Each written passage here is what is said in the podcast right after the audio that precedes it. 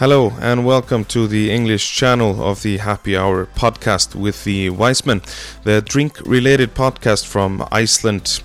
Today's topic Patron Tequila, Sweden, Netherlands, and of course Iceland, just to name a few.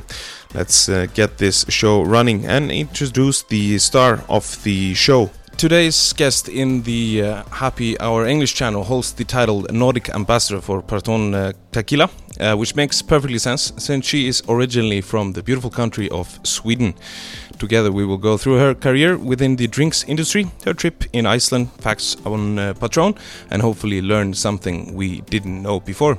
To get you the an idea of uh, who I'm talking to, quote taken from her Instagram account in her own words I'm not everyone's cup of tea, but I'd rather be someone's shot of tequila. Anyway, uh, hashtag, uh, no, at Sarah Bell South on Instagram. Check it out. Sarah Södersen, welcome to Happy Hour. Well, thank you. How are you? I'm very good. I mean, like it's been a it's been a long day already. I mean, I started early and uh, a lot of first my first podcast, my first radio show today. Yeah. Um, I'm excited. Yeah. Cool. Awesome. I love that quote, by the way. Yeah, it's uh, you know sometimes you stumble over things and you just yeah that's me. Um, when you come out as being quite a strong-minded, fierce Mhm. uh, person, you might not always say what people like or be like people want you to be. And for me, that quote really shows that I'd rather be liked for who I am than uh, well, well, even more liked for someone I'm not. I just want to be liked, man. Yeah, exactly. Uh, yeah, it's awesome. It was one of the first thing I saw when I when I uh, stalked your Instagram. Maybe come back to that later. Well, no, I, I mean, like, I'm very fond of all my stalkers, so you, you joined a great crew. Awesome, that's good to hear. Um, it makes me calm uh, more more down. All right, so Sarah, uh, uh, you came here a couple of days ago to Iceland. Uh, let's start with the, the most common questions um, we ask uh, our our uh, visitors. How do you like Iceland? You know, I this has been the trip I've been looking forward for, to a, for a really long time. So, being the brand ambassador, not only in the Nordics but also in uh, Belgium, Netherlands, and Luxembourg, Yeah. I travel a lot, and Iceland has become the last country of all my countries that I'm visiting. So this has been uh, very hyped up. I've had friends telling me, "Oh my God, you're going to Iceland. You have to do this. You have to try that. You have to eat this fermented bread under a rock." I'm like, "Well, I'm going to start with the drinks, and uh, we'll take it from there." Uh, but so far, I'm amazed. Uh, yesterday, I was sitting at the office here, and I was looking out, and I saw the beautiful mountains uh, across the the bay. And uh, two seconds later, there was this amazing rainbow, and well, five minutes later, it was completely foggy up again. So it's um, I'm baffled by the weather, but also amazed. I live in Amsterdam, so nature is uh, well, it's a country made by men, and it's uh, it's fantastic to be in a country where where people live in well live around nature. Yeah, yeah. We're gonna go a little bit through your um, uh, background uh, later. Uh, does it remind because you are from Sweden? Does it uh, remind you a little bit about, about your heritage uh, in in Swedish countryside? Well, it really does. Uh, well, I'm from a small town up north in Sweden, Örnsköldsvik, and uh, it's. Um, I keep feeling like I'm back home. Yeah. like the the style of the houses and um, the mentality. It's it's quite similar. And um, although with the far more uh, far better uh, cocktail scene that we have back home, Yeah. we are more in a kind of a Red Bull vodka phase still back home. But that's going strong. Yeah. So That's good. That's good. Uh, so from what I hear um, from the Mekka guys who are uh, the importers of uh, Patron tequila, uh, you have a, a quite busy schedule here. You're you're getting used on your trip. Well, I mean, like I'm I'm here to work, and Yeah. uh, I that's the thing, you know, when you work as an ambassador, it's uh, uh, when you go in on your trips and everything. It's I'm here to learn about the culture and understand how you drink tequila and how I can, you know, help and teach and learn back, you know, what, what we can do. Yeah. So uh, yes, it is busy, but um, I'm I'm Swedish, you know, we do like efficiency, so Yeah, yeah. maximize the time while I'm here. Exactly, exactly. Um, so, I mean, when you are in charge of uh, this many countries, uh, obviously you you travel a lot during during your work uh, as an ambassador. It must be so boring. Nobody said that. Well, I mean, like the the traveling is uh, amazing to see all these places, but often when we do work, as you hear here in Iceland, the schedule is quite hectic, and um, although a lot of people confuse it with going on a holiday, and that's not Yeah, it. Uh, but I must say, even though I get to see these amazing places, you have to kind of take a break just to take it all in, look at the views. Uh, I mean, like I always try to have at least one hour when I walk around on my own in the city. In Copenhagen, I went to visit the little Havfrue. In Oslo, you know, you have to go and at least have one amazing coffee. And in Stockholm, well, then I just go and have what, whatever kanelbulle I can find. But uh, um, you have to find your small moments and everything. And people forget that a lot of traveling means a lot of time in transit. So Mhm. I don't really have an office. Uh, I'm, but you will find me with my laptop, sitting, working at gates, uh, waiting on trains, everything like that. So it's um, it's a nomad lifestyle. Yeah, it's about uh, using your spending the quality time uh, that you have on transits, like you say, and, and stuff like that. Really, and also actually, what makes all this um, kind of what's the most amazing part of going everywhere is actually meeting the people and talking to people, Yeah. and because there's so much enthusiasm, and you know, I'm a I'm just coming in for the the fun stuff. I don't like I I come in, we have a great workshop, we talk, and we can kind of geek out about tequila together, Yeah. and um, so it's it's the people that makes it cool to travel to the countries, not per se being in a different country. That's just the plus side. Because people like people. People like people. Hopefully, if you work in hospitality, otherwise, uh, yeah, do something else. exactly. Uh, so we will speak a little bit more about um, your work as a brand ambassador uh, later in the in the in the episode. Uh, but first of all, uh, I would like to go through your career uh, in a bit and and maybe the path leading towards um, last year when you landed the key role uh, for the amazing brand uh, Patron and the Nordic countries. Um, how does that sound? That sounds great to me. Yeah. So I think we should start at the beginning um, and allow the listeners to to get to know you personally uh, a bit more, and also where you came from, like you mentioned. So let me s- start by simply asking you, who is Sara Södersen or Sara Södersen? Södersten. Oh, people always get it wrong. I had to send back my uh, my business cards a few times to get it right. So right now, I'm just happy that if they get half of the name right, yeah. Sarah, this is really common. you stick stick to Sarah. We'll be good. Yeah. Um, who is Sarah Södersten? Um, well, uh, short version. I'm a tequila enthusiast um, that loves to. Well, I focus a lot about how can we create and build something around the brands I do because being a brand ambassador is pretty cool because you basically go from being a bartender to being someone giving you a budget saying here do cool stuff with your brand for your friends. Like, yeah. well, that's awesome. yeah. Um, but then also, I mean, like I've uh, worked in an industry for quite a, a few years now. Um, there's so many brands that throw a big party, and don't get me wrong, uh, hospitality industry and bartenders per se are very good at partying, and we Mhm. are often invited to all these amazing parties. But um, we, we, I think that we can do so much more. Yeah. So my events often, or how I build everything, and not just in like my my work life, but like personal life as well. It's like, but how can I do something that actually gives something back, like in some sort of meaning? Yeah. Yeah. Because otherwise, what what what are we doing here? Yeah. Exactly. So, uh, but uh, other than that, I'm I might be I might have been described occasionally as uh, the little patron princess Barbie sometimes. um, but as I said, I, I I I know what I want, and um, I'm not af- uh, afraid of uh, voicing my opinion. Yeah. So Yeah. I have been uh, described by my uh, European marketing manager lately, a few weeks ago, as a very fierce member of the Patron team. and um, yeah, I try to just uh, stay honest with what Yeah, I do yeah. and keep some integrity in that. hmm And and for me, like I know you since yesterday, uh, you're kind of a, a woman that you you're willing to take the extra step to to get to reach your goals. Uh, Yes, absolutely. I'm um, I'm a very fond person of um, setting a goal for yourself, and I'm talking like not just like for next week. I'm setting a ten year goal, Mm-hmm. and I'm saying I'm gonna get there. And uh, I think that if you create a vision of where you want to be, subconsciously all the choices you make start leading you towards that. And I think there's on, there's not just one path of going. Like we would, uh, you were asking how I went from well becoming the Patron brand ambassador. That was actually in a ten year plan almost. yeah, yeah. Not specifically towards Patron. That was just a very lucky. Well, not just lucky, but it was a great coincidence that Bacardi happened to buy Patron at the time where I was ready for the a role like this. Mhm. Um, but it's it's something to say that find your way and and yeah, you have to find your way. That's just it. Yeah, and yeah.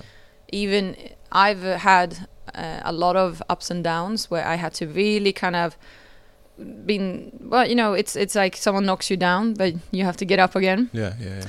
And then I'm just incredibly stubborn, like when it comes down to it, actually, annoyingly so. But it can be seen as a quality as well to be stubborn. Y- yeah, uh, absolutely. I mean, like it served me um, to where I am today. But even even someone that's stubborn, and even if you know and you can be strong and get up again, it doesn't mean it hurts less Mhm. or that it costs you. And um, I think if you want to be successful, you have to sacrifice a lot because you're paying with the, you, the effort you put in is going to be the payoff in the future. Yeah. But I think I can speak for every single bartender out there how hard it is sometimes to be uh, working in this industry. And uh, I mean, like, I don't even want to know how many birthday parties or holidays I've missed because I have to go to work. Yeah. And you have to be there behind the bar. And the bar teams are so special in that sense that they often consist of a very tight knit team. And the most valuable lessons I was ever learned was that, well, you know what? If you are calling in sick and if you are taking a sick day, that means that your colleague that really deserved the day off has to cover for you. Yeah. So, if you really must, of course, but you need to realize that you have that. Um, you you have to take care of each other in that sense. Yeah. And in that way, I find that mentality, if you ever worked in a bar, will serve you for the rest of your life. So, um, yeah, I don't. I like it. Uh, if we go back in time to the trigger of you entering the drinks industry, uh, as you mentioned, you come from uh, the hometown of Söderström, where, where the where the where the classic uh, Swedish dish is uh, invented. Uh, Oh yeah, um, yeah. I am from the county in Sweden that invented surströmming, the fermented herring. Yeah. Um, yeah, we have that, and uh, we do a lot. We make a lot of paper mass as well. Um, so uh, it's uh, no, it's it's a beautiful um, area in the in the high coast area of Sweden. So it's a nature reserve, and uh, it's a town that's all about ice hockey. mm, And um, although I might not look it or think it, I I do like watching ice hockey, especially, especially the brutal kind. yeah, exactly. So um, um, no, but it all started uh, living up north, and um, my um my mom um, owns a youth hostel. So I started actually working at the youth hostel. I have a very distinct memory of uh, taking my first uh, phone reservations when I must have been about nine or ten, and um, it's just something that they kind of just made us do. It was a family business. You have to work. You help out. Um, I mean, like you, you might be 10, 12, but you know, you can clean. You can. Mhm. Uh, so I, I, if you, I am, I'm, I'm very good at cleaning hotel rooms. If there's anyone, uh, I've done my part in that. Um, and what happened was that uh, when um, Peter Forsberg, the ice hockey player, opened up his um, his golf course. Mhm. It's the, uh, the most Nordic uh, mastership golf course in Sweden, and um, then my my parents kind of jumped at the chance, and they opened up the hotel on the golf course. And I was already working in the restaurant there, and that was my first job. I was actually selling hot dogs on the golf course. That was my. I was 14, 15 years old, and I was very proud. and uh, little by little, I started working in the restaurant as a waitress, and um, you know, you're not allowed to serve alcohol at my age, but you can serve um, food. So Mhm. I did that, and then of course I was continuously helping out with the youth hostel and the hotel, and um, at some point, uh, my mom took over the restaurant. Which I was, which made me furious because I was like, "Mom, you're cramping my style here. You're like, you can't just buy my my workplace. I'm in, I'm independent from you, even though I live under your roof still. um, so that uh, working alongside with your parents and family, it's uh, it's testing because you kind of uh, you're not really seen as an just an employee. You have to give even more than everyone else, and you cannot say no, in a way. Um, but it does shape you. And at some point when I turned 18, 19 and was finished with school, um, Uh, I used to be a musical singer and dancer. Really? Yes, I was. And uh, at this point, I was a bit lost. I didn't know what to do. I was done with my touring. And my mom used to, you know what, Sarah? Um, we don't have a bartender or anything like that up north um, in the restaurants. Um, how about I send you to the European bartender school? So you just learn to be a bartender and then you can come back. We do it as a deal. You come and you bartend for me every summer in the high season. I'm like, you know what, mom? Sounds great. So I went to Stockholm and I went to the European bartender school uh, for a month, and um, it that was really what changed my whole world, um, because as of day one, learning about the history and branding and categories of alcohol, um, really I just found a completely new passion. I, I was my my my need to learn more was just insatiable. I uh, I had such a great time learning, and and uh, almost straight away I was given a um, a job in um, the archipelago of Stockholm, um, and that was when I learned the most valuable lesson in my life. I think work life, because I left European bartender school thinking I was the shit. Yeah. You know, I was like, yeah. A lot of people go through that phase.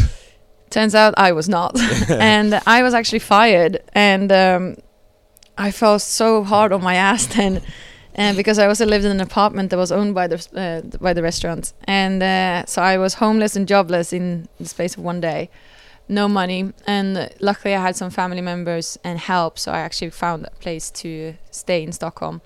And uh, my bar manager, he said, "You know what, Sarah, you're a great girl, and you you really want to learn, but you have to start from the bottom. So um, I'm gonna get you a job at um, Café Opera, which is the oldest nightclub in Stockholm, still active actually. Yeah. And you're gonna start as a glass picker and a bar back. And I was like, you know what? Fine, I'll do it. And I was one out of I think we were eight. Uh, Nisse, as you would call it in Swedish. really? Uh, like a Santa Claus? Yeah. Okay. A little helper. Yeah. You're the little, like little helpers that's running around and fixing stuff for the star tenders. Yeah, exactly. That's kind of like how it was back then as well. And um, I worked my butt off in that sense. I'm talking a lot about my butt right now. Like, uh, um, no, but so I, um, yeah, I just every single night went to work. And what I like so much about Sweden in that sense is that, okay, you're a girl. Um, you are not as strong as the men physically, but that just means you have to run faster Yeah.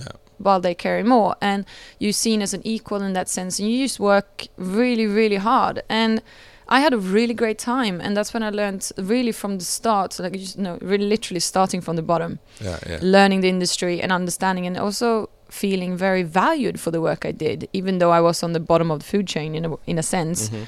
um, the bartenders were always so professional saying that you know we couldn't do our job without you Yeah. so and that is something that i learned the hard way and from there um, i met this guy uh, who um, happened to work for the swedish travel company langley. Mm. and his name was robin. And um, we got along really well. And he just turned to me one day and said you know what sarah? I work as a hotel man- manager in val d'isere uh, for langley every year when i'm not working as a waiter or bartender at uh, cafe opera.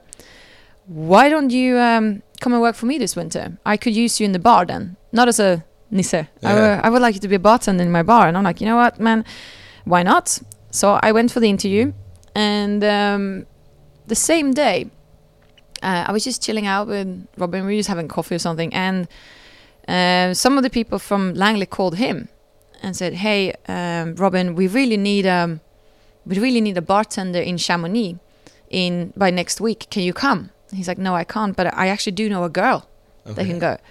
So within a space of a week, I just kind of uprooted my whole life in Stockholm and moved to France. Oh my god, that's amazing. Yeah, and I ended up working in Chamonix for almost a year. And I didn't go to Val d'Isere to follow my friend to his hotel, Yeah. um, but I did stay in Chamonix. And uh, that's, uh, you know, like working after ski bar bartending. That is something you, you really learn about how high volume, high pressure, but also ambience Yeah. And um, I had a great time. I mean, like I'm from the north of Sweden, so snow doesn't really frighten me in that sense. And I grew up skiing as well, Yeah. and uh, So for me, you asking like, how do you get to where you are? For Yeah, me, yeah. I was like, what do you mean I'm here as a ski bum? I'm like, I don't care about the skiing. I'm here to work. Yeah, yeah. And I think that's something that's always been kind of like what sets me apart mainly. I've never really moved anywhere for the experience of being there. I've been there to learn and to work Yeah, and a bit of I might have been called a workaholic every now and then, but uh, but yeah, so I after If we take a, a recap of, of, of when this is uh, happening, uh, you are uh, you started at the, this hotel. Uh, what year was that? You remember? oh god. Um that must have been around 2005 maybe. Yeah. Okay. Something like that. Yeah. So I left Sweden in 2008. Okay. Seven, eight, Yeah. somewhere around there. And um, by this time, after I finished in the Alps, I um, kind of what triggered why I also said yes to the the role of uh, moving to uh, to France Uh-huh. was that um, the same year I became a bartender. Um, you know, the Swedish government used to own Absolut Vodka. hmm That particular turn of that year, they sold Absolut Mm. to Pernod Ricard, and I was fuming because I've always admired um, Absolut Vodka for the fantastic branding. hmm They completely revolutionized the way we brand alcohol today, Yeah. and I wanted to work for them. But I realized that if they're owned by a French company, I should learn French better. Mhm. And I, I always spoke a little bit of French, but then this job in France came up, so I'm like, you know what? I'm gonna move to France and learn French better, and bartend my way through the country. Yeah. Uh, so in the end of the season, or like the when summer came in Chamonix, I um, got accepted to um, a university study in the south of France, in Nice, Mm. to study um well French, but also civilization, as it's called. So Mhm. uh, poetry, culture, politics, and uh, so I ended up moving to the south of France. And, uh, and you speak French. Yes, I do. It's very rusty, but uh, yes, I but do. you can have a conversation in French. I can, especially if I had a few patrons. of course. no, it's uh, languages are tricky like that. You have to keep them up. And Yeah, uh, yeah. after I left France, it's been almost uh, ten years since I lived in France, and Mm. I had to learn. Had to learn. I have. I have learned uh, Dutch since then. So Yeah. sometimes now when I speak French, I speak Dutch with a French accent. So it's. Depends how many shots you're you're uh, you're consuming. it's a lot of arm movement, you Yeah, know, as well, yeah. just uh, like uh, gestures and everything. Um, Mhm. no, so uh, I, I, but the other thing is, school wasn't really for me in the sense because uh, it took two days and it started to kind of itch in me because I'm like, well, I want to work, Yeah, I want to yeah, earn yeah, money, I want to. So we went into the most popular bar in Nice called Wayne's, and this is a this is an institution. Mm. Uh, it's a place where the motto is "Dirty Minds, Party Times," and uh, you dance. People dance on tables. There's a live band. It's a proper dive bar. Okay. And um, I walked in there, and uh, I, I was like, you know, I want to work here. Yeah. So I told the guy, "Hey, um, what does it take to work here?" And uh, he went, "Well, you know, hand in your CV." And I'm cocky as I am. I'm like, "Fuck that." we all know you're just gonna chuck it in the bin. What does it take to work here? Yeah. Tell me. And uh, he stopped, had a cigarette, and looked at me, and he's just like, "Okay, where have you worked before?" And I told him, "Well, I just finished a year working in Chamonix, in uh, in a bar there." And he's like, "Which bar?" I told him Chambre Neuf, and he went, "Huh. So, um, how's Urian and his wife doing?" I'm like, "Well, Urian and Estelle are doing fine. How?" He's like, "Well, I'm actually from Chamonix, and we used to own the bar opposite the way where you used to work. Come in for an interview on Monday." and I started working there, and um, I mean, like that kind of really set the tone for how hospitality was for me because um, that place is such a vibrant family place, and um, it's run from uh, by people from New Zealand and the UK, Yeah. and. Uh, uh, a lot of people ask me why my Swedish accent isn't that strong. Well, if you only work with these people for a long time, you just learn. Yeah, yeah. And um, I actually, even though I haven't worked there for over 10 years, I just went back uh, a few months ago for the 30th anniversary of the place. Okay. And it's just a, such a, it's my family in Yeah, a way. yeah. So, um, So that's the bar that you're you feel like coming home. yes, Mhm. it's always coming on going there. And um, it's it's just, it's more than a workplace. It's a, yeah, it's a home. yeah. Has a special place in your heart. Always. always Wayne's in my heart. Always a Wayne's girl. Yeah. but uh, yeah but of course then i'm i'm a i get impatient i wanted to learn more Yeah. so i decided to move to london Mm. and um, in london i kind of repeated the same thing i just walked into a place i want to work here give me a job yeah. and i had no idea that the place that i walked into was this place in covent garden who's called roadhouse Mm. who is um, also an institution. I, I managed to pick out these places quite well, I guess. And uh, it's a bartender's bar, nightclub, where the focus is on flair bartending hmm and uh, live rock bands, and you know, um, and that's where I really learned how to hustle. Yeah. And I was working as a cocktail waitress, so not so much flaring for me. But uh, I got to know a lot of people, even from EBS in hmm in um, in London, and uh, I met uh, Jay Dutois, who had a really, uh, which is also a, a legend in the bar scene, especially in flair bartending, hmm and he became a strong mentor, and he meant a lot for my career. Okay. And uh, he introduced me to Tom Dyer as well, who runs the European Bartender School in London. Mm. So I always kind of kept a hook in with the EBS Yeah. and uh, they introduced me to Sweden Chili, who is a company, uh, in a bartenders event company, does these amazing events. Mhm. And um I started freelancing for them, and they were the ones who got me in contact with Bacardi. Yeah. And uh, that was kind of like when my Bacardi journey started, already as a promo girl working the festivals as a bat girl, as we were called. so, um, I mean, like working as a Nisse, or like a glass picker, Yeah. then going to work as a waitress, cocktail waitress, um, promo girl, and then bartending back and forth. You know, it's it's always been important to me to try every single. Position of uh, Yeah, exactly. Mhm. So. and a huge shout out to to uh, Sweden Chili. They it's amazing how they do uh, their events. Everything, every single detail is uh, is uh, well planned and and thought of. I mean, like I have so much love for the guys working there, and um, I mean, like uh, Frankie is one of the guys there as well. That's meant uh, a lot to. You, you learn so much by the people you surround yourself with, and I was I was very lucky to be surrounded by some very talented bartenders, and um, like you say, their events are by far fantastic. Yeah. so then we are into the Bacardi uh, family. Uh, uh, that, that's the point when you when you start there, right? that's the point where I kind of got in contact again with working um, with branding for a brand because yeah, yeah. being a promo girl, you are a, an ambassador for the brand, Mhm. and you have to talk about it. And um, it's kind of like when I realized, you know what, something's a bit wrong, something's a bit off. Yeah. Um, why why do we have to dress like this, like sexy girl outfits and yeah, so much lycra? yeah. yeah. and um, why are we marketing alcohol like it's in the 1950s still? Mhm. So I started to feel more and more, and this is not just Bacardi because I worked for a lot of brands Yeah. and um, and great products, great brands, and everything. But I just always felt like there was something that was a little bit off with the branding, and I'm like, well, this branding is, you know, there must be better. We, how can we make it better? There, Yeah. There's so much room to improve it, and I want to do that.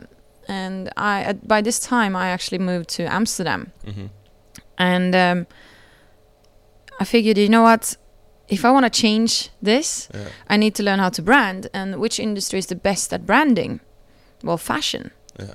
And since I've always been um, I come I come from a family of uh, seamstresses and designers as well on the other side of the family, and um, so it's always been close to my heart with fashion and style. And um, I said, you know what? I can study fashion and branding. So I started at the Amsterdam Fashion Institute, and um, with the goal always, if I can learn to brand fashion, I'm gonna apply that, and I'm gonna change the branding world of alcohol. And you know, we were talking about the ten-year plan. Yeah. This was maybe like um, four, three, three, four years into the the um, the ten-year plan, and I've always had the mentality like, how hard can it be? Yeah. And it turns out sometimes it's really, really hard. Yeah. And um, stubborn as I am, I just set out on this mission. And alongside my studies, I always bartended. So about like furthering ca- your career and everything, I think I worked three or four nights a week and then studied full time for a couple of years. Wow. Um, I don't think I slept for the whole of my mid twenties. Um, but it's kind of like whatever I learned in fashion, or wherever I had to put energy in, was energy I was given from bartending to having my passion to being out, seeing people, and being in the center of uh, the hustle and bustle. You know Yeah, yeah, yeah. and I, uh, yeah, I, I kind of, uh, kind of just did my thing, and alongside this, I found I started to find different expressions for how can I use what I learned in fashion in the alcohol world, um, not just branding. So I became a cocktail stylist. Mhm. So I've, if you see almost any photography from Corriente Tres, or I've done a lot for um, Havana, Mhm. and also I've done a lot of work for Coca-Cola, Lipton. Most of their uh, pro- like product photography is actually my work Really? from yeah from back in the days. So um, that's something that's kind of like um, something I fell into, and Mhm. People always ask me about how is it being a cocktail stylist, and I'm like, well, if you can imagine, you can if you can envision yourself standing in a dark studio for ten hours in a row. Um, obsessing over the position of ice cubes in a glass Yeah. then that's the job for you. It's um, it it, it truly is about being a, a nitpicky perfectionist. I'm connecting a lot to what you're saying. I'm one of those who who I spend if I have a concept, I it might be ongoing for for some time, and then you know that it's the right time to to launch it and sell it to a brand or something. Um, but it takes a lot of time of developing really cool concepts, as well as in in, in cocktails. Absolutely. I mean, like, um, well, like like I said before, I mean, like I think every kind of experience you can gain, you know, like you um, you will- will help you towards your goal. Yeah. And I did said I want to rebrand.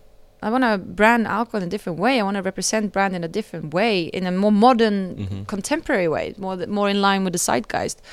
And um, yeah, the, the kind of the the understanding cocktail photography is one part of it. Yeah. And uh, and uh, what I also did through these years is that I freelanced a lot. Mhm. And um, one of the best jobs I've had uh, back in the days that I taught me so much was working as an in-house bartender representative for Ketel One, Mm. uh, which is a uh, the distillery is in a small town called Schiedam. Schiedam, Yeah. Oh my god, it took me so long time. I, I, the Dutch still don't think I pronounce this properly, so I mean, like, never, mm, might never do. Yeah. Um, but uh, we, um, yeah, the, uh, it's a it's a distillery in the middle of nowhere, more or less, and it's still run by a family, you know. And you are so in contact with everyone working at the distillery, and you stand there as a representative, and you for all the guests that come by, you have to introduce the brand, but you only have about half an hour to do so to uh, talk about the brand, and that's when I really understood a different part of uh, what it what it cuts down to being an ambassador for a brand. It's it's about um, it's about finding and talking about the heart and core of the brand in a in a way that feels real to you, Yeah. and not just what they write in a brand manual that gives you. I mean, Yeah, like you're not a parrot. No. You need to do it uh, personally. Exactly. I mean, like you have to add your your heart in everything you do. Yeah. Uh, I mean, like nowadays, uh, even in when I'm doing workshops, people like to test you with or ask questions about facts. Yeah.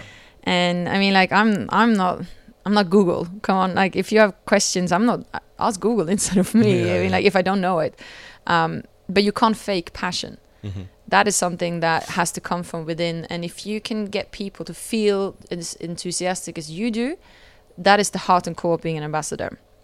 But uh, Ketel One was not the only one I worked for. I actually worked a lot for Gin Mare. Mhm.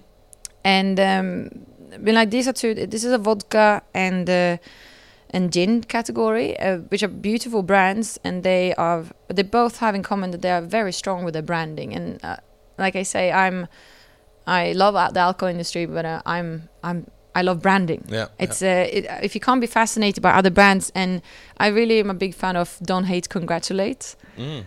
and that go, goes down with how other people are acting and Yeah. what they do, and you know you can only see, you learn, and you steal with pride. I love that. Don't hate, congratulate. It's um, especially being a woman in in this industry. Yeah. Uh, women have a tendency to be quite harsh to each other. I catch myself doing that too, every now and then. And then I try to, you know what, great job by her hmm or he.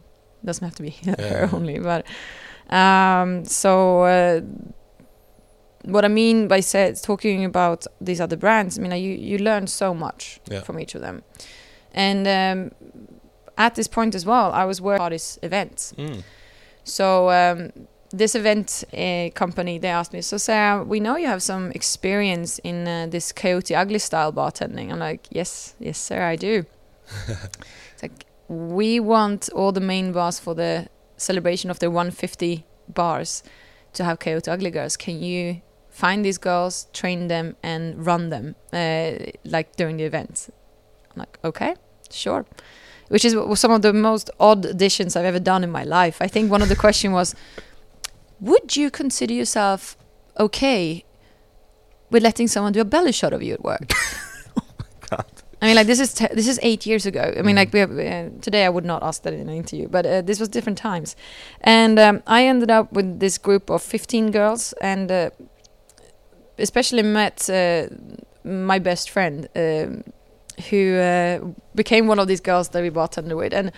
Uh, bartending is so much about friendship when you work Yeah. there, and uh, if you can create this energy, if you see how people are having fun together, Yeah. people will have fun with you. Yeah. Yeah. So uh, if there's a bar team that doesn't get along or their the synergy is off, Yeah. people can feel it, even though if they can't actually pinpoint what it is. So um, yeah, It's I- also it's also fun for the guests. If if the bar team is are having fun, it makes the guests feel much much more uh, fun and and appreciated and and it kind of yeah I think it's it's a big deal of of um, of people who who uh, go to bars and just because of the bar team they're friendly and they're good and and so on. absolutely. I mean, like I've had places where people come in just to see me and little fan base in a way, and um, you know that's that's lovely. Yeah. It's a, it's a, it's the utmost kind of uh sign of uh, appreciation and that you're doing a good job. Yeah. And also, I mean, like, I I try to every time it comes to anything I do. I mean, like, uh, in Swedish we say, "Are you gonna cry or laugh?" yeah. then please, please pick uh, pick the, the the the laughing part. And um, that that's kind of like every time I had an accident in the bar or spilled a shaker all over myself, or you know, then just laugh.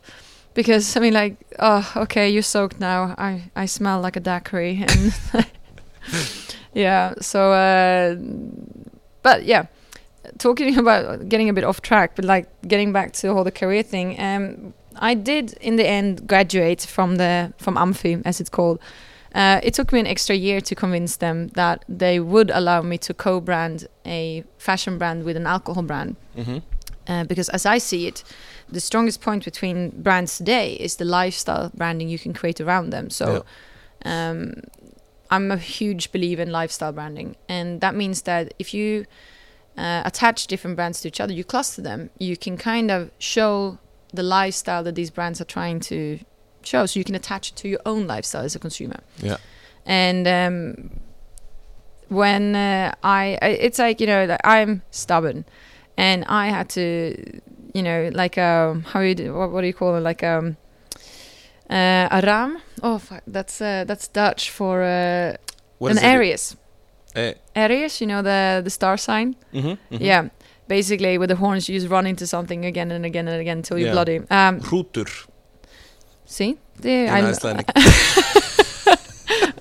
yeah, well, that's basically me being a stubborn person. Uh, I, I, I will do something until they, uh, till they let me pass. So I redid my graduation four times until they allowed me to graduate with a bar. Mm. So I created a bar for a fashion brand, a Dutch fashion brand, to um, basically um, help spread their Amsterdam identity and the way of life of Amsterdam by showing them how the Dutch drink. Yeah. And this was to be put uh, uh, put up in um, Australia or in markets where people probably haven't been to to Amsterdam. hmm So um, while everyone else at the graduation ceremony had a, a stand or a presentation, I had a bar. it felt pretty damn good. Yeah. So uh, and then almost straight out of school, then Bacardi called and said, "Hey, you're done now, right? yeah. Please come work for us." And um, and then um, they, I interviewed for a different job. And uh, a few days later, they called and said, uh, "Well, um, that job has gone to someone else, but." You did talk a lot about how much you love tequila in the interview, about 15 minutes just about tequila. um, and especially Patron, because they had just bought Patron. And I was fascinated and looking so much forward to working for Patron. And they're like, you know what? How about you become the brand ambassador for Patron instead? And uh, they're like, yeah, but um, keep it quiet for a while. And the first thing I said, like, can I tell my mom? and um, I was allowed to. So uh, that was kind of like when I'm like, well, so this whole all these years of uh, working hard, not sleeping, freelancing, trying to figure stuff out, missing out on friends' birthdays and everything, kind of led up to this job hmm and an actual chance of making a difference. I think if someone gives you at least some sort of platform to have a voice, Yeah. um, it's your it's your duty to try to change things for the better. Yeah, definitely. If we recap, when is this uh, happening? That's 2018. 18. Yeah. Uh, we're gonna recap uh, on your role now after this uh, next next um, um, stuff we're gonna do because we're uh, gonna do a, a really fun uh, fun part now. Uh, speaking of the questions, uh, we're gonna go into a, uh question um, challenge uh, that I have for you, which is called the strainer Okay. All right. because I love strainers. Are you ready for it? Okay. Sure. Let's go. All right. Uh, the rest of the questions are from other people than myself. So uh, some of them that you even know already. what? No. Let's start with uh, an amazing friend, uh, Juho Eklund, Ah, brand ambassador Bacardi Finland. So as your job covers such a big area, Nordic and the Benelux, what are the key differences between uh, countries uh, you've seen uh, when it comes to cocktail culture and bar culture? Wow. Oh, that's a big question. Um, the biggest changes I would say, uh, or differences, is that like in um, well, in the Nordics, so many of the countries and markets are quite small, Mm-hmm. and they are up and coming. And I find that the Nordics are incredible in working with. Uh, around sustainability but also local foraging Yeah. so really bringing out the roots and what is really scandinavian nordic and how can we twist like we were talking about like norse Yeah, mixology Yeah, i love that term Mhm. and I think that's um, that's something that that the Nordics are really kind of st- standing out, and Yeah. they're very good at creating unique concepts. Um, like uh, we're talking about uh, Belgium and Netherlands. Uh, Netherlands is especially talking about both Amsterdam and Rotterdam. They are so becoming such uh, multi-cultural, interna- multicultural, international cities. Um, that is just like it's an amazing influx of bartenders and uh, and ideas, and it's it's just growing. It's a it's snowballing over there, and I find that. Um, th- this mix of so many different uh, bartenders from different cultures really, really sets it apart a bit. Um, but also the drinking culture in both Belgium and Netherlands uh, are very relaxed. Mhm. It's about enjoying life and taking a good time, and it's um, it's um, it's a way of life around it. You know that Yeah. is that is sets it apart from the Nordics. Mhm. Um, but and uh, of course Luxembourg is a completely different story. Love Luxembourg. yeah. Um, but it's a micro, little, like a bit like Iceland. They have Mhm. their own microcosmos in a Mhm. way. So, uh, oh yeah, I think that's the difference. You know, you you you take in what's happening locally, Mhm. and then of course you have some global trends that affects all ones. So, for example, uh, I think the biggest global trend right now is the slushy machines. Yeah. oh my god, so many slushies. All right. Uh, shout out to Juho Eklund, who has been uh, on the show before. Uh, next one is from uh, Leslie Vandernick. Oh wow!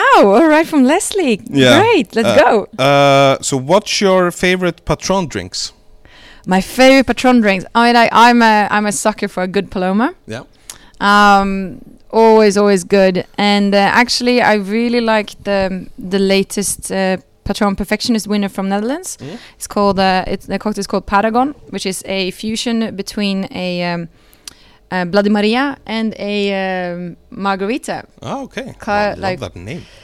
It's an amazing cocktail, and uh, yeah, I mean, like I'm lucky enough to have had quite a few of them. Yeah, so Uh, yeah, those two would be some of the favorites right now. hmm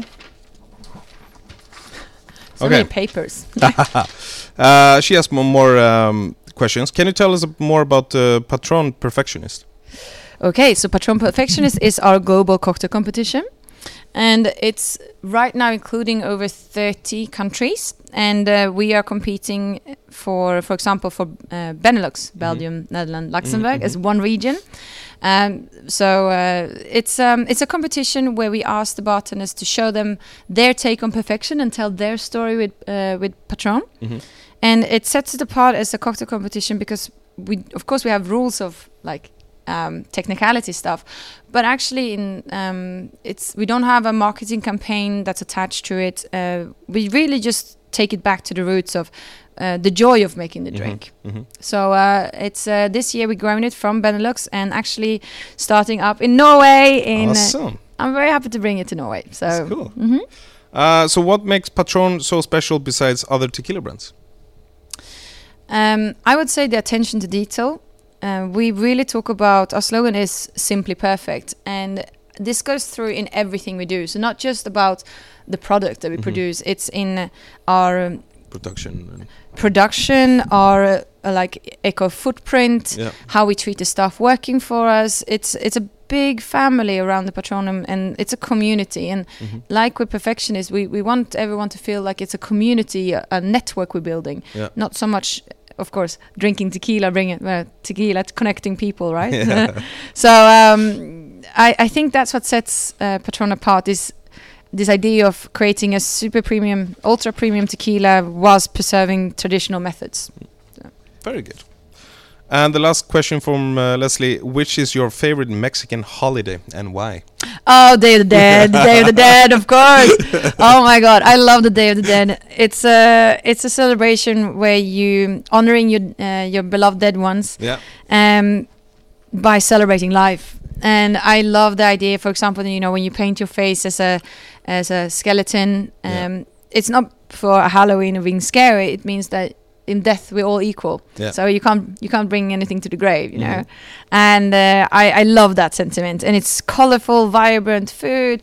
And also, I do. I must say, I do really like the the, the film Coco. So yeah, yeah, I love that. it's really awesome.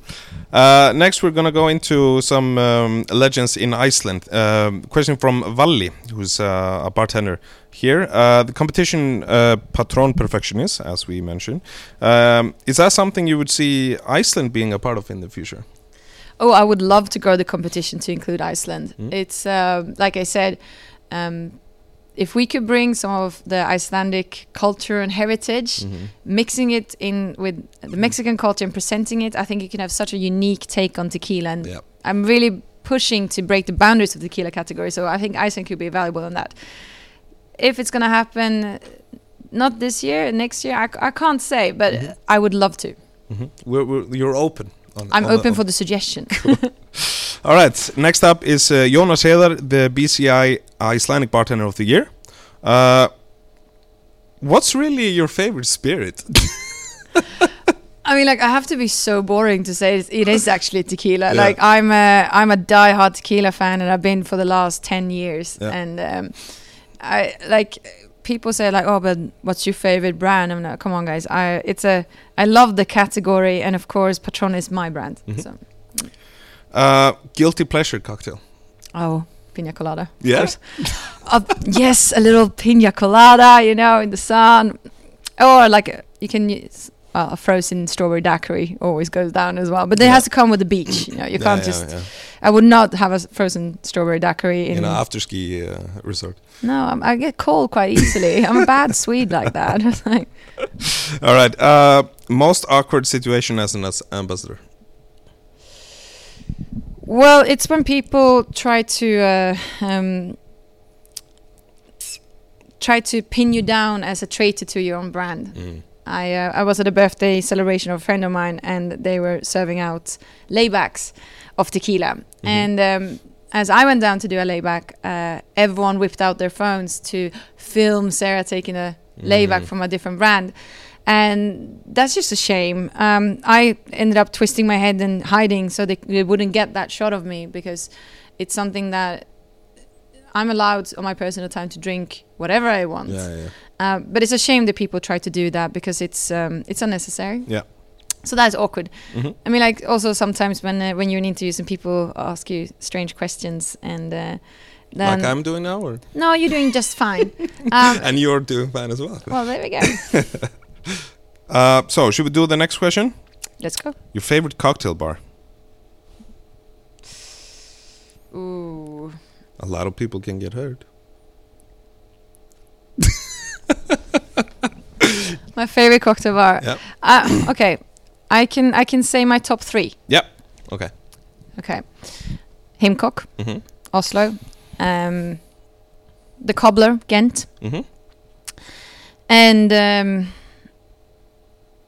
oh, Amsterdam's gonna have to have two places, and that's Super Lyan, which I um, I love going to Super Lyan, Okay. and uh, the Duke of Tokyo in Mm. Amsterdam. It's uh, that is a fantastic place to go out for a good night out. But Okay. it's not a cocktail bar per se. It's a it's a karaoke place with amazing bartenders and amazing drinks. Sounds good. hmm Uh, you should take me there. Uh, all right. So uh, next we're gonna do uh, Vikingur Thorstensson, first winner of uh, Bacardi Legacy Iceland. Right. How do you feel about people saying they hate tequila just because it makes them crazy? First of all, I would say like, what's wrong with being a little bit crazy? I think that that's that, that's the best answer, isn't it? yeah. All right. Uh, we don't need to. We don't need to develop. That's no. just it. That's how I feel about it. Uh, what's the best tequila cocktails you ever had? Um, well, I, I taste a lot of different tequila cocktails, and right now, um, the global winner of Patron Perfe- Perfectionist, um, the Bridge, made by Julia Mm? from uh, the Artesian, is an amazing cocktail that I like a lot right now. But also, um, I had um, Eric van Beek from um, from uh, 27. Mm. Uh, he did a guest shift together with us in Iceland. Uh, no, in Iceland. Sorry, in Finland. in Finland at uh, Goldfish, Okay. uh, the cocktail bar, and they uh, made a tequila clarified carbonated pina colada, and I still dream about that one. So, yeah, that was a great cocktail. Um, okay, next question from Vikingur. Uh, what qualities make a good uh, a tequila good? So what qualities? Um, I would say it comes down to flavor profile, and um, I mean, like I'm always gonna tend to like a hundred percent tequila Mm-hmm. more.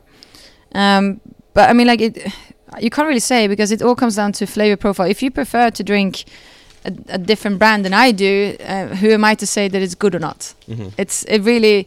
I mean, like you know how it is as a as, as a as a bartender. You can make the most perfect cosmopolitan, Yeah. but if the guest comes up and says like, Ugh, "I don't like it. I want it to be this and that way," Yeah. who are you to judge? Mhm. You know that I think that's the role as a of a bartender. You have to be accommodating because it's not about you; it's Yeah, about them and their experience. So um, the same goes for tequila brand. I mean, like if you prefer a different one than me, then that's just your right. yeah, yeah, exactly. And the last question: uh, What's your best margarita recipe? Oh, my best margarita recipe. Um, well, we talk about Patron as the perfect margarita, and I've I've taken a lot of heat for this uh, on uh, talking about uh, margarita recipes because, uh, as you know, there's a uh, a beloved child has many names, as we Mhm, would say in mhm. Sweden, and I think that uh, for me, I really like when you actually use both agave instead of sugar syrup, uh, simple syrup, and triple sec. Mm. Um, but I must say, my favorite right now is if you work with Patron, and then the Patron Reposado, Mm-hmm. and then you use our Citronge, which is our own uh, um, orange liqueur based on tequila silver, Yep. Patron silver, and uh, a bit of agave, and then of course uh, lime, and Mm. that is a really good margarita. Cool. Uh, and that's the end. Um, I want to thank everyone who sent the questions for, Thank for you. Sarah. You did really, really good. Well, thank you. I, I don't feel this was like uh, straining at all. yeah, word puns.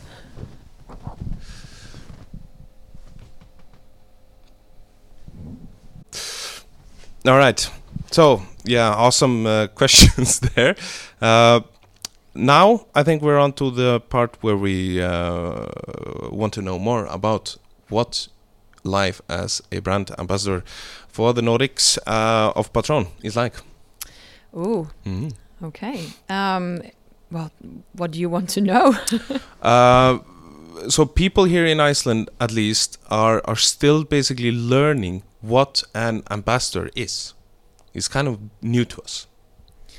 Well, I mean, like this comes down differently to which company you work for a little Yeah. bit and how we ambassadors are shaping our roles. And um, I would say how and what you do as an ambassador, first of all, is always based on who you are as a person and what your what your strong sides are and how you work around it. So um, that means that for me, I am quite involved in the creative outputs of Patron Yeah. because I work very closely with the brand team. Um, but it's also I think in general being a um, an ambassador it means that you are the expert on your brand. Yeah. And that not just about the product and um, the marketing, but it's also about uh, uh, the brand values, and Mhm. you have to know, be able to say, this is Patrono, no, this is not Patron or this Mhm. is up to our standards or not. And uh, I think so. I, I would really. It comes down to being an, both an educator Yeah. and a consultant on your Mhm. brand. You kind of uh, live through the brand, right? Absolutely. Mhm. I mean, like you, like I said before, uh, you can't fake passion, and if you can't relate to the brand you're working for, then then you shouldn't work as an ambassador for them. Mhm. Uh, could you give you give us some examples? I mean, of course, we have uh, talk, talked about it uh, previously in in this uh, episode, but uh, what an ambassador does, uh, you, you have mentioned uh, setting up events, brand image, ideas about how to promote the the uh, the brand. What have you guys been been doing, for example? What's your best, best work Oh, my best work. um, for patron, of course. So for Patron, I would say that the the, my, the biggest job of my year, that my year, the backbone the holds up everything I do, is the perfectionist competition. Mhm. And um, around that, for Patron, we work with four iconic dates, Mhm. and that's International uh, Tequila Day, Mhm. uh, Day of the Dead, International Margarita Day, Mhm. and uh, for Patron, since we're so focused on sustainability, we are one of the leading brands in the tequila production world of sustainability. Um, is Earth Day, Mm. and these tend to happen. Uh, they kind of actually fall quite nicely with almost a three-month interval in between them. So, um, what I do is my job is primary to be talking to bartenders Yeah. and to educate, but also find ways that we can work in a creative way with our tequila. Mhm. And the ambition for Patron is we, we don't want to be the just the biggest tequila or the best tequila in that sense. We want to be more. Mhm. We want to be at the forefront of the future of tequila. Yeah. And that means that how can we go beyond the margarita Mhm. Paloma category and what can we do more? How can we um, broaden the category? Yeah. So I love working together with bartenders and co-create. Mhm. So uh, a lot of my job is about inspiring bartenders, coming up with cool events that we do together to inspire them to activate and present those drinks or the concept they come up with during these iconic dates. Mhm. And uh, while the way we, I work around that is that I uh, I work with my creative tequila community, as I call it, uh, Mhm. or shortened as the Patron Pact. And the Patron Pact really is um, a creative community of bartenders because I wanted bartenders from all kinds of levels. So not just you know the aspiring new bartenders, uh, but also the seasoned bartenders to get together and you know you know just mingle and come up with new ideas because what uh, what the more seasoned bartenders have is that they have experience and they know they have the skills um, which is so interesting for new bartenders to to be part of but they can feel so far off you know that Mhm. they are unattainable Yeah. um, but what uh, the more skilled bartenders and more veterans can actually learn from the newbies Yeah. Is this insanely beautiful enthusiasm that they have that you sometimes can lack a little bit. Yeah.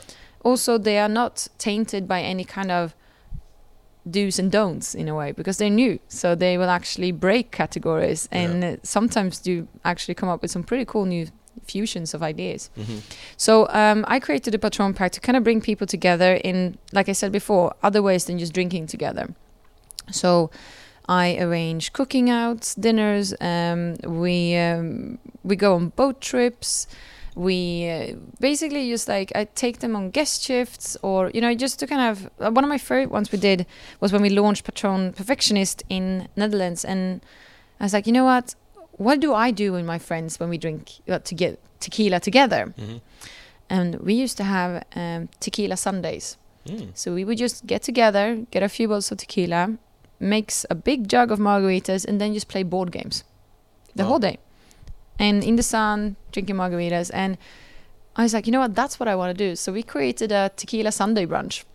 Nice. Yeah. And uh, I mean, like, it's, you know, like get people bartenders together and be creative and uh, you then i think that you kind of end up coming up with some some way more interesting ideas than if i go to someone like hey can you do this Yeah. so um, that's a lot of my job goes out to doing these things So involving the bartenders into your job, basically. engaging yes Engaging. Yeah. Mhm. hmm Sounds uh, sounds awesome. Um, I think also one of the one of the coolest things about tequila because I come from um, uh, I've been doing a lot of work behind. Uh, well, my background comes a lot from from restaurants and being in front of the house and uh, engaged with food and and as a waiter, as a maitre d, and and so on. So I have been, uh, and a lot of chefs are my friends.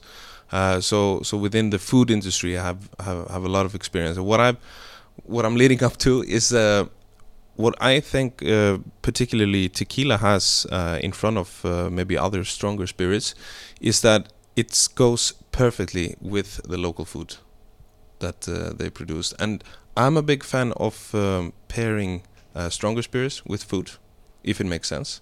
And within uh, tequila and Mexican food, it makes perfect sense. absolutely i mean like, i uh, i work a lot with chefs Yeah. and um, i mean like i don't get me wrong i love tacos And uh, but when you have a, a tequila event, people go, "Oh, let's uh, let's get some uh, some tacos in." I'm like, "Well, how can we make it? Uh, how can we make it more relevant to us or modern? And how can we twist it? You know?" Mhm. And and that that's when it comes into actually working a lot with chefs and creating something new. And um, I'm kind of known of coming up with these crazy kind of abstract briefs saying, "I don't." Like of course we have wine and food pairing and cocktail and food pairing is is also quite quite big right now. Yeah. But I want to do cocktail and food fusion. hmm Can we create a way where we don't know where the cocktail starts or ends and the dish begins? Yeah. So can we do a deconstructed margarita as a dessert, or can we, you know? So you really start really letting them inspire each other in a completely different way. Yeah. So uh, we do a lot of cooking with Patron, and uh, like I say, like it's like let's be creative and do something new. And and I think it's. Uh, I mean, I. I I marinate a lot of food in in Patron and then throw it on the barbecue. so, so, but beyond that, it's um, it's an amazing opportunity to really kind of um, Connected to to food, basically. Exactly, and people Yeah. love to eat. I mean, Yeah. like, there's nothing worse than when you're at an event and there's no food after a while. You're dying, and you're like, oh Yeah. Jesus Christ! But then if it's something that can connect, and you know, it's uh, it's it's a it's a more like it's an experience then. Mhm. They have a really tight relationship, um, the Mexicans, with with their uh, tequila and, and their Mexican cuisine, and especially here in Iceland, the the Mexican cuisine is is really uh, uprising. That as I th- I believe it's a little bit because here is so cold, and we have dark winters and all that, and we need something that reminds of us of, of the heat, of the good weather, and we find that a little bit within uh, tequila and uh, and Mexican food basically. So it might hold, you know, be holding hands. Uh, this aspect I'm, I'm speaking of. Oh, I think that's perfect. I mean, like, uh, one thing about Mexico is that it's a colorful, colorful, vibrant, warm culture and everything beyond just the weather. Yeah. And if you can bring just a little bit like that, but the drinks you're making for Patron and the food you bring, I mean, like that's amazing. So uh, bring it on. Yeah. Uh, so, some fun stories uh, based on your experience. Yesterday we did a shift together. Uh, I'm really honored, by the way, to to land the leading role as your barback. By the way, thank you for for that. It was a tough audition. I'm not gonna lie. Uh, you mentioned a couple of fun things uh, since um, your uh, job comes uh, with a lot of traveling. Seen a lot of things. Uh, what has been interesting to see uh, uh, w- within the countries that you have visited, in terms of culture, drinks, and, and all that? well, I think one of the most, like, what I like the most is when I get to see what really is almost a cliche or really like at the heart of the country when you Mhm, come there because mhm. it's a very. Uh, I'm of, often in for in and out for a few days, so you have to maximize the time you have. Yeah. Um, Helsinki stole my heart. Really? Oh my god, we were there in, in late August, and then to just um, get a, go out on the boat, have some uh, have some tequila drinks, fantastic drinks, meet the meet the locals. Uh, like the Finnish, I think has the, the most brilliant sense of humor in Yeah, the world. yeah. Um, Apart from Icelanders. of course, of course, and. Um, But I totally agree. I, I love the Finns. I love the Finns, but also then being able to go to a sauna and really appreciate a part that's so deeply rooted in their culture and and even if it's just peeking through a window into what it means Yeah. to drink and, have in the culture because Mhm. drinking is a culture. It's not just down to a product. It's how can we bring this together. yeah. And so that was uh, that stuff like that really really makes uh, everything Yeah. come together. And um, I mean, like I'm a huge fan of uh, of Brussels. hmm Uh, Maybe not so much the city, but as the bar scene, it's uh, amazing people that work at the bar scene. They they work so hard and they have such a great uh, atmosphere going between them. So it's it's Mhm. a joy walking into some of some of the places there hmm and um, that that is really like I I do since uh, I somewhat claim to speak French still. It's nice to kind of uh, throw in between. I do have a cluster with a lot of uh, with a lot of different languages spoken in it, so um, Yeah. always exactly. fun. Yeah. Always fun to be exposed to local culture like that. And to prove that, we have been speaking a lot in, in you in, in Swedish and I in, in uh, Norwegian. Exactly. We're not going to do that now because no one will, or just the Nordics will will understand it. Um, but uh, you're mentioning uh, Helsinki stole your heart, and we're recording this in uh, February. Come back in uh, June, and uh, I will make Reykjavik steal your heart. I mean, like I'm still here for two days, man. So uh, I'm uh, I'm I'm positive we're gonna I'm gonna have a very very warm feelings toward Iceland when I leave. So, um, but I'm happy to come back, man. That's not a problem. exactly. When we will launch the Patron Perfectionist. that will be that will be the day. Exactly. All right. So, um, since you went to the strainer uh, before, we are going to do another part, uh, which will also be available on the Wiseman Instagram. Should I Uh, be scared now? now you should be scared because this is the double strainer. The double strainer. Jesus Christ. Okay, right. You ready? Yes, I am. Let's go. Let's go. All right. So, Sarah, now we're going to do the double strainer. Okay. Uh, this is basically uh, a set of uh, 20 questions with uh, 40 possibilities, and you have to choose in between. Oh, okay. All right. Cool. Let's and, go. And we're gonna do it really fast. Okay, cool. I can do this. All right. So we're gonna start with uh, with basically the category alcohol. Okay, I can do that. Yeah. Are you ready? Yes. Okay. As ready as you can be. Yeah. Okay. Mm -hmm. Sparkling or still? Sparkling. Vodka or gin? Vodka. Dark rum or cognac? Dark rum. Patron or a red hat? Patron. Single malt or rye? Single malt. Vermouth, Amaro, Vermouth. Jager or Fernet? Oh. oh, uh, Fernet. White wine or red wine? Red wine. Port wine or sherry? Port. Cava or Prosecco? Cava. Why don't you say champagne? That was the third option. I mean, like, uh, I'm. I failed. All right. Uh, extra question: Surströmming or rotten shark? Oh, I'm gonna have to say Surströmming, man. Proud, close to my heritage. exactly. Um, the next is uh, drinks: Okay, let's go. Paloma or Margarita, Paloma, Daiquiri, Dry Martini, daiquiri, Mai Tai or Mojito, mojito, Sex on the Beach or Screwdriver, screwdriver. Bloody Mary, Whiskey Sour, Oh, Bloody Mary, Aperol Spritz or Espresso Martini, espresso martini, Moscow Mule or Mango Breezer. mango breezer. Oh no, I hate mango. Fuck. I don't think- no, we're gonna have to go with the, the other one. Okay. Gin and tonic or gimlet, Gimlet, Irish coffee or hot chocolate with straw, Irish coffee. Jagerbomb or vo- vodka Red Bull, Jaeger bombs. Woo! Negroni or Old Fashioned. Negroni. Okay. Towards the end, you're gonna have a mystery challenge. Okay, let's go. So listen carefully. The best bartenders only need a few seconds to combine a flavor combination and create a great cocktail. Mhm. Uh, your last assignment in the double strainer is called the mystery challenge, and you are going to make a sour on the fly with uh, four ingredients. So we have a base spirit, sweetener, sour element, and herbs and spice. Uh, don't need to mention the meas- measurements. Just focus on the flavor combinations. Mhm. All right, ready? Okay. So the base spirit you can use is bourbon, gin, white rum. Sweetener, white sugar, agave or maple syrup. Sour elements, lemon, lime, and yuzu. Herbs and spice, coriander, dill, and cardamom.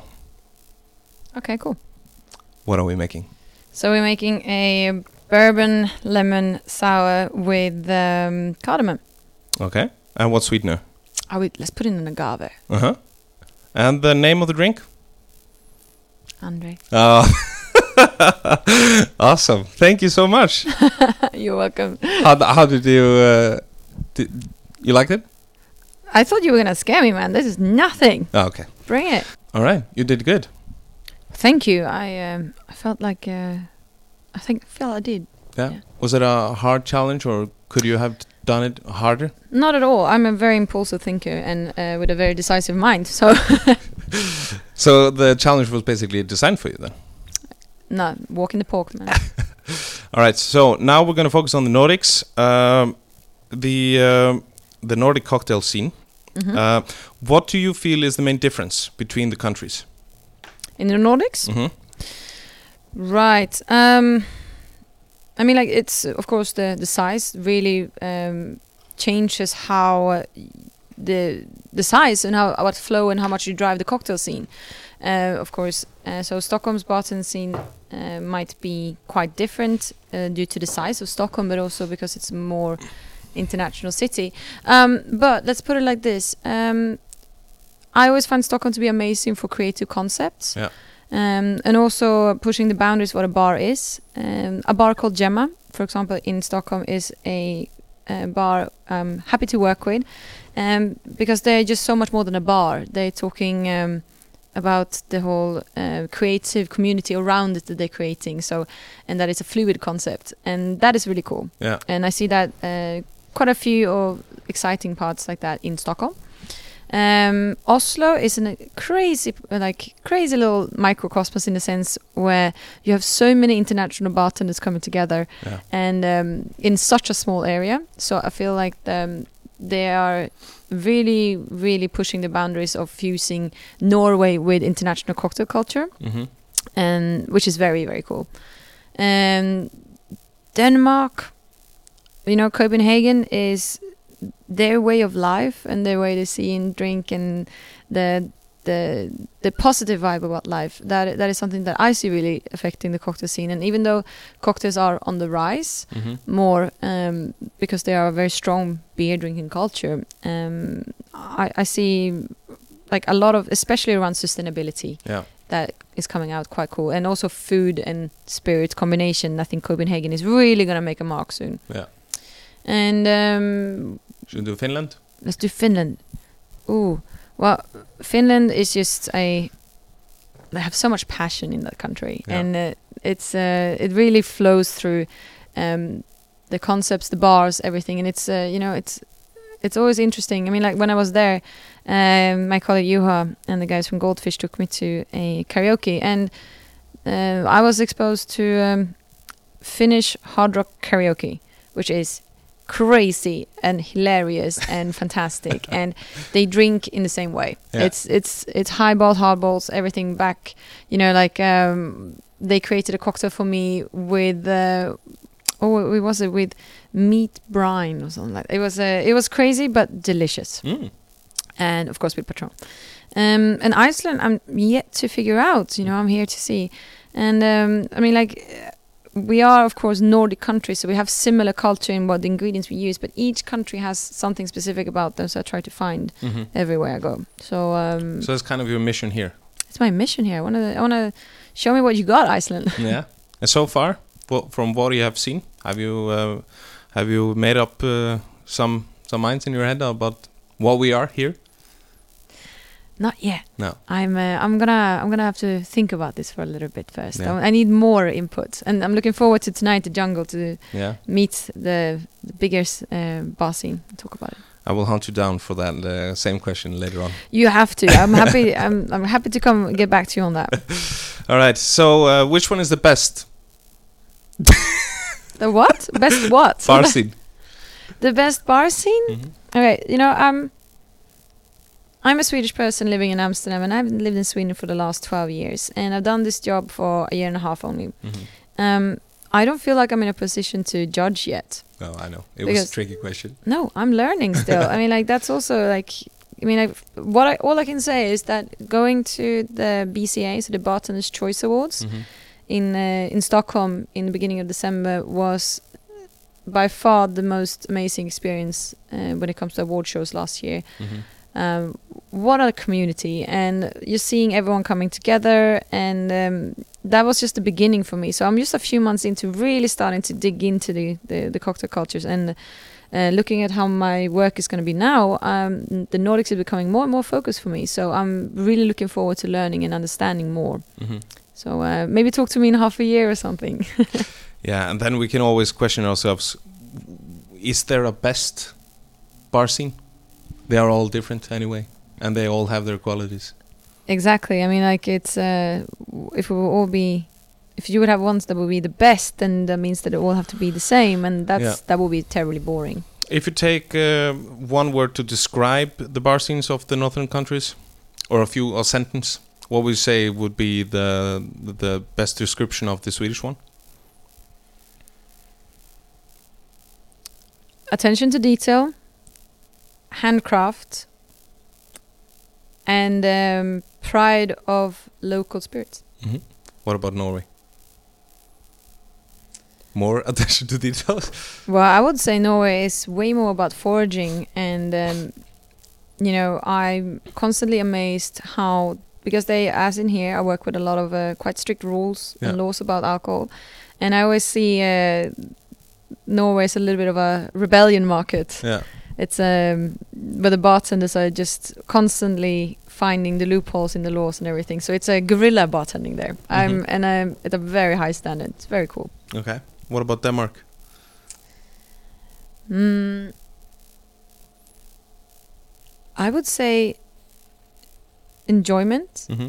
um, and it's similar to the Dutch like that. Yeah. It's it's about it's a little bit of the you don't tell tell a Dutch person um, I can do this because I'm worth it. Yeah, yeah.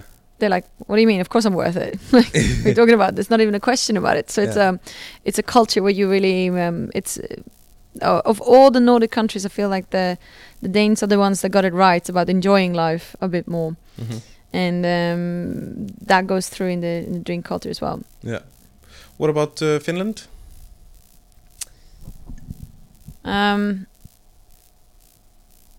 I would say that it's as harsh and sharp cut as the humor Mm-hmm. of the Finns. It's um, it's all or nothing, Yeah. very full on, and uh, and I dig it Yeah. a lot. It's a it's a heavy metal.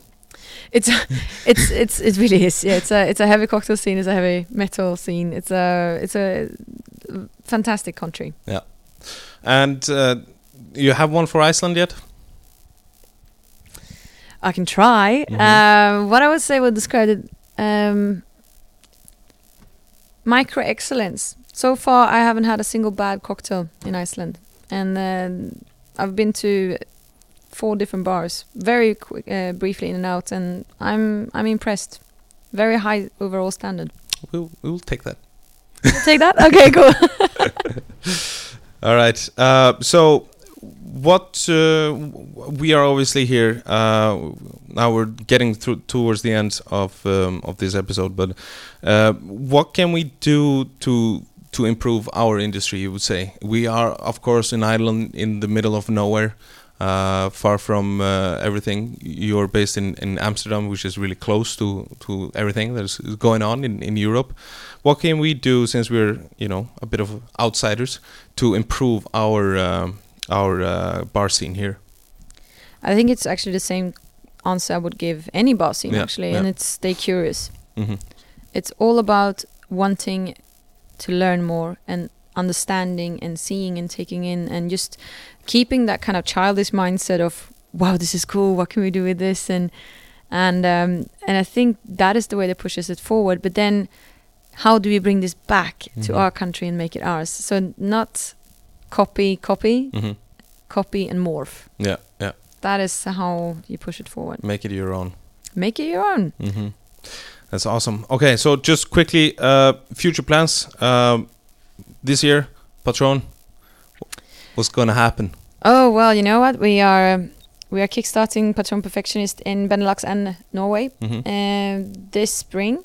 So that will be a really big kickoff, especially in Norway, but of course in uh, Benelux as well. It's Yeah. gonna be very cool, and that will happen around May. Uh, we have a beautiful uh, seminar coming up for Patron, and together, well, it's a collaboration with Patron and everything for. Uh, uh, that's going to happen in Stockholm in April, but uh, that's not uh, completely out there yet. But um, that will be amazing. And of course, I have some lovely trips every month visiting all these lovely, beautiful eight countries. So Mhm. I uh, the future's looking bright. And I mean, like in a couple of weeks, we have International Margarita Day coming up. Mhm. So the 22nd of February, then it's uh, all about margaritas. And in uh, Benelux, we're actually doing Margarita Month. Nice. So uh, if you like margaritas, then that's the place to be. Exactly. Uh, Sarah, this has been a pleasure. Uh, we're getting past our time now. You have a, a busy schedule here. Uh, I'm a very busy person. what can I say? No. thanks for seeing off uh, some time to uh, to uh, speak with the wise man. Uh, it's been really nice talking to you, uh, Sarah Södersten. Sara Södersten. Uh, thanks for coming to the Happy Hour podcast. Thank you for having me. And that's a wrap for today. Amazing bartender, inspirational woman, and a great person, Sarah Södersten. Check out her Instagram at uh, Bell South. Note that if you go to thewiseman.com, you will find an article from uh, this episode as well as other articles regarding drinks in uh, Iceland. Feel also free to follow The Wiseman on Facebook and Instagram, and there you can uh, see the video of uh, Sarah and others in the strainer and the double strainer. Thank you so much for listening. Until next time, Wiseman out.